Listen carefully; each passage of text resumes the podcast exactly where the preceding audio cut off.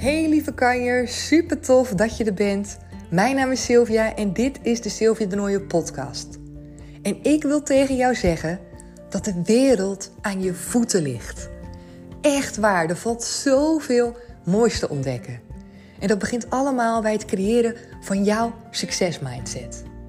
En vanuit mijn passie ben ik mijn eigen coachings- en trainingsbureau begonnen, Comintra.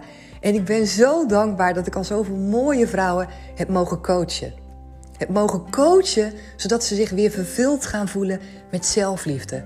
Want ik ben ervan overtuigd dat dat de meest krachtige basis is. Op het moment dat jij echt kan zeggen: Ik ben 100% oké, dan kan je echt sky high gaan.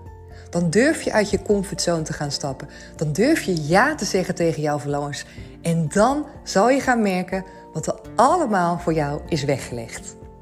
Ben je benieuwd naar de coachingstrajecten en wil je meer over mij lezen? Dat kan op mijn website www.comintra.nl. Ben je op zoek naar nog meer inspiratie? Kom me dan ook gezellig volgen op Instagram. En daar kan je me vinden onder de naam comintra.nl. Hey lieve kanjers, superleuk dat je weer luistert naar deze nieuwe aflevering. Het is dinsdag en we gaan de week gewoon lekker goed voortzetten met elkaar. En ik heb weer een hele, hele belangrijke boodschap voor jou in deze aflevering. En uh, ja, die boodschap is, wat ik je wil zeggen, is dat het zo belangrijk is om jezelf op nummer 1 te zetten. En ik weet, het is misschien een inkoppertje, het is een open deur, maar blijf alsjeblieft even luisteren, want ik ga zo meteen je een voorbeeld geven waarvan ik zeker weet dat het je een aantal nieuwe inzichten geeft, waardoor je nog meer kan voelen van binnen dat het inderdaad zo belangrijk is dat jij jezelf op die eerste plek zet. We kunnen zo geneigd zijn om anderen op de eerste plek te zetten. Ik ben ook moeder, ik heb ook kinderen, ik heb ook een man waar ik graag voor wil zorgen. En soms ben je dan geneigd om anderen op die eerste plek te zetten en om jezelf ja, naar beneden te zetten.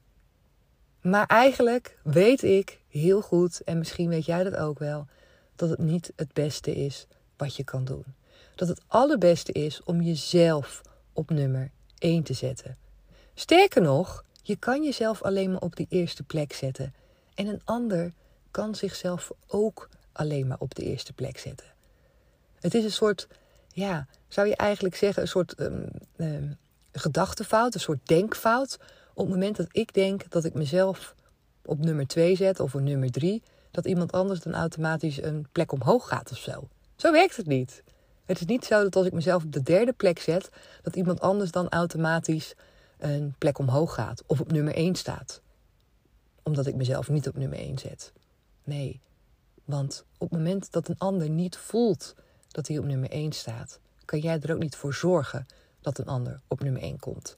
Dat gevoel geef je namelijk alleen maar aan jezelf. Op het moment dat jij voelt dat iemand over, over jouw grenzen heen gaat, op het moment dat jij voelt dat jouw emmertje overloopt, ben je eigenlijk al te laat. Maar goed, op het moment dat jij voelt dat je emmertje vol begint te raken, dat je energie verliest, dat mensen over jouw grenzen heen gaan, dat je je niet fijn meer voelt, dan is het goed dat jij aan de bel trekt. Dat jij jezelf op nummer 1 zet om daar iets aan te doen. Oh, is het alleen maar simpelweg omdat een ander jou niet kan aanvoelen. Omdat je soms niet van de buitenkant ziet hoe iemand zich voelt. En omdat het vaak pas te laat is wanneer anderen dat signaleren. En dan niet alleen, maar je bent gewoon ook verantwoordelijk voor jezelf. Je kan niet iemand anders verantwoordelijk maken voor jouw gevoel. Soms doen we dat wel. Soms zeggen we wel: ja, maar die ander die gaat steeds over mijn grenzen heen. Of ja, maar mijn werkgever zorgt er nou voor dat ik het eenmaal zo druk heb. Of ja, maar diegene die houdt helemaal geen rekening met mijn gevoel. En dat zijn allemaal excuses. Dat zijn allemaal verontschuldigingen om jezelf niet op één te zetten en om niet zelf je eigen verantwoordelijkheid te pakken voor jouw stuk. Iemand anders hoeft zich niet druk te maken om jou. Iemand anders is er niet verantwoordelijk voor, voor jouw gevoel. En het klinkt bikkelhard, maar het is zo. op het moment dat jij je eigen regie pakt, jezelf op nummer 1 zet, weet je wat het mooie daarvan is? Dat je dan niet alleen jezelf een groot cadeau doet, maar ook die ander. En ik ga je nu uitleggen wat voor voorbeeld ik, uh, waar ik mee te maken had in mijn werk, in mijn andere werk. Ik ben natuurlijk coach, maar ik werk ook voor een werkgever. En uh, daarin heb ik te maken met uh, vaak complexe gezinssystemen en problematiek. En daarin sprak ik een volwassen man die mij vertelde over zijn kindertijd. toen hij opgroeide, samen met zijn moeder, met zijn broers en zussen. En hij zei tegen mij: Ik had zo graag gewild dat mijn moeder zich eigenlijk gewoon veel vaker op de eerste plek had gezet. En dat ze niet ons en onze vader op de eerste plek had gezet, wat ze wel deed. En hij legde me uit, want ik dacht, wat bedoel je nou precies? Hij legde me uit dat hun moeder er altijd voor hun was. Dat ze alles deed voor de kinderen en voor ja, zijn vader, voor haar man. Ze was er altijd, ze zorgde altijd voor hun. Het nam alle tijd in beslag en daardoor had ze eigenlijk ook geen tijd voor zichzelf. Met als gevolg dat ze veel druk ervaarde, veel stress, dat ze weinig sliep, dat ze op een gegeven moment op de tenen begon te lopen. En hij vertelde me: ik zag een moeder die dan misschien wel alles voor ons wilde doen, maar tegelijkertijd was ze vaak gestrest en gespannen. Was ze niet zo blij? Zag ik dat ze niet zo genoot? Zag ik um, ja, dat ze eigenlijk gewoon leeg liep? En ik had het mooiste wat zij eigenlijk had kunnen doen achteraf, was zichzelf op nummer 1 zetten. En hij zei dat ook. Ik had eigenlijk het liefst gewild dat ze dat wat meer had gedaan. Want als ze meer tijd voor zichzelf had gekozen, als ze meer, nou ja, gewoon wat vrijheid had gepakt om op te laden, is een keer niet klaarstaan voor de kinderen en voor haar man, dan was ze misschien veel gelukkiger geweest. Had ze misschien veel meer energie gehad, was ze veel minder gestrest geweest. En dat hadden wij als kinderen super fijn gevonden. Want hij zei, wij merkten op een gegeven moment ook dat wij op onze tenen gingen lopen. Dat wij die spanning voelden in huis. Dat wij haar eigenlijk ook gelukkig probeerden te maken door maar gewoon zo lief mogelijk te zijn. Omdat we wisten dat zij ja, echt gewoon aan de tak zat. Dat haar emmer overvol zat. En die moeder, die deed het natuurlijk met de allerbeste bedoelingen.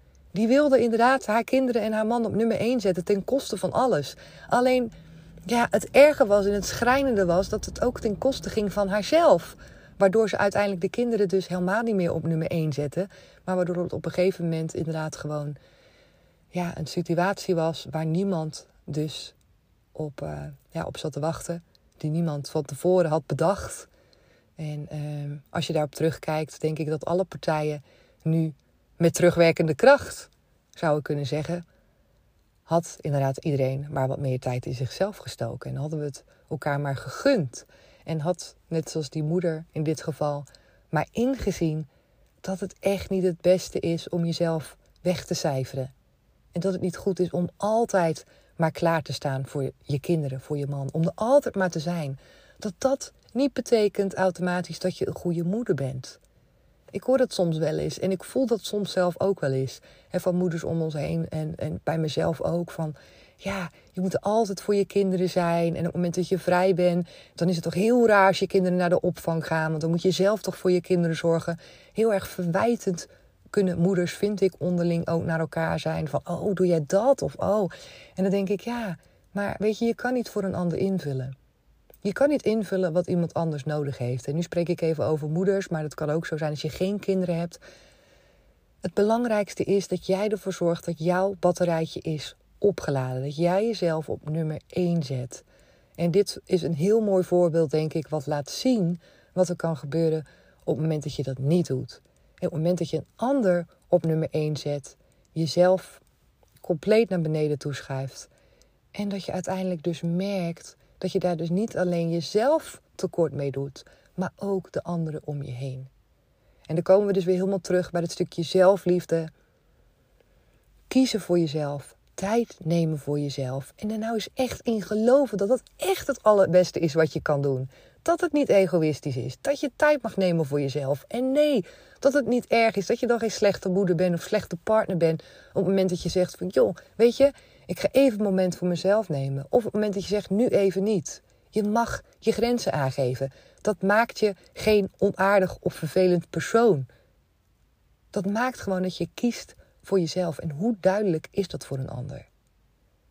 En hoe verantwoordelijk ben je daar ook in om zelf je grenzen aan te geven? Want nogmaals, een ander kan dat niet aan je zien. Een ander ziet vaak niet wanneer je vol zit. Ja, vaak pas op het allerlaatste moment wanneer je uit je slof schiet of wanneer je zo gestrest bent.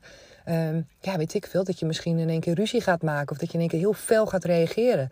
Of dat je misschien in één keer heel erg emotioneel wordt. Maar op het moment dat je eerder aan de bel trekt, dan hoeft het niet zo ver te komen. En dat scheelt voor jezelf een hele hoop ellende. Dat je gewoon veel langer en fijner in een ja, prettige energie kan blijven. Dat je goed voor jezelf zorgt. En dat is uiteindelijk altijd ook voor je omgeving het allerbeste. Dus zet jezelf op nummer 1. Zet jezelf op die allereerste plaats. En ga erin geloven. Ga het als waarheid aannemen dat je dan niet alleen het allerbeste voor jezelf zorgt, maar daarmee ook voor de mensen om je heen. Oké, ik ben heel benieuwd wat jij uit deze aflevering en uit dit verhaal haalt. Toen ik het hoorde, toen het mij werd verteld, toen had ik in één keer weer heel veel eye-openers en heel veel besef weer van de dingen die ik misschien wel wist. Waarvan ik dacht, ja inderdaad, zo belangrijk is het dus. Dat je gewoon soms zulke blinde vlekken hebt voor jezelf. Dat je zelf zo erg denkt dat je goed bezig bent door een ander maar voorop te zetten. En dat je niet in de gaten hebt wat je daarmee bij jezelf kapot maakt. En uiteindelijk dus soms in dit geval ook ja, op veel meer gebieden kapot maakt. Omdat je gewoon niet goed voor jezelf zorgt. En dat is echt key. Belangrijk. Zo belangrijk om voor jezelf te zorgen. Die zelfliefde te voelen en het jezelf te gunnen. Dus daarmee ga ik afsluiten op deze hele mooie dinsdag. Laat me vooral weer weten als je iets met me wilt delen over deze aflevering. Als je er iets in herkent, als je een aanvulling wilt doen. Als je denkt van, oh ja, dit vind ik waardevol. Misschien vind je het wel belangrijk dat iemand anders dit hoort. Misschien ken je wel mensen in jouw omgeving die zichzelf ook altijd voorbij lopen. Die ook altijd zo bezig zijn om het een ander naar zin te maken. Om een ander op nummer 1 te zetten. Dan zou ik zeggen, doe diegene een plezier. En vertel diegene over deze aflevering. Of geef het verhaal door wat je nu net van mij hebt gehoord. Want um, er is zo'n misvatting en zo'n denkfout ding, ja, wat mij betreft, als het gaat over jezelf op nummer 1 zetten. Dat het nog steeds een soort van taboe is, nog steeds een soort van egoïstisch lijkt te zijn. Zeker als je kinderen hebt, als je een man hebt.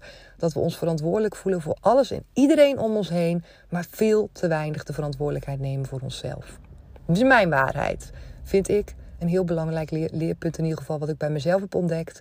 En uh, voor degene die er ook wat aan heeft, wil ik dat heel graag delen. Dus ik ga hem nu echt afsluiten. Ik hoop dat je er voor jezelf dingen uit hebt kunnen halen. En ik spreek je heel graag morgen weer. Doeg!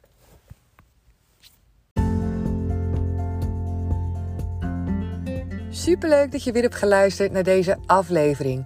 En vond je het nou een waardevolle aflevering? Laat me dat dan ook even weten. Het zou echt super tof zijn als jij een Apple-toestel hebt, een iPad, een computer of een telefoon. En dat je even naar iTunes gaat en me daar 5 sterren geeft. En nog mooier zou zijn als je ook de tijd neemt om even een review voor me te schrijven. En dat hoeft maar een paar zinnen te zijn, maar ik vind het zo fijn om te lezen wat jij uit deze of uit een andere aflevering kan halen. Heb je geen Apple-toestel, dan kan je me natuurlijk gezellig komen volgen op Instagram als je dat nog niet doet. Daar kan je me vinden onder de naam comintra.nl. Je kan me altijd een DM sturen met vragen of wanneer jij een opmerking hebt of iets wil weten over een aflevering. Of je maakt een screenshot en je tagt me in een van je stories. Is natuurlijk ook altijd superleuk om te zien en om jou voorbij te zien komen. En als laatste wil ik nog even met je delen dat in november voor de allerlaatste keer van dit jaar de deuren open gaan van het traject Power Lady on Top. Een waanzinnig mooi traject. Als jij echt next level wil gaan en als je met mij en met andere dames uit je comfortzone wil stappen, omdat je er klaar voor bent en omdat je gewoon echt wil weten wat er voor jou allemaal is weggelegd. Nou, dan gaan we er echt tegenaan. In november gaan we vijf weken aan de slag. Kijk even op mijn website www.comintra.nl en misschien zie ik je dan wel in november. Hoe tof zou dat zijn? Oké, dankjewel voor het luisteren en tot de volgende keer. Doeg!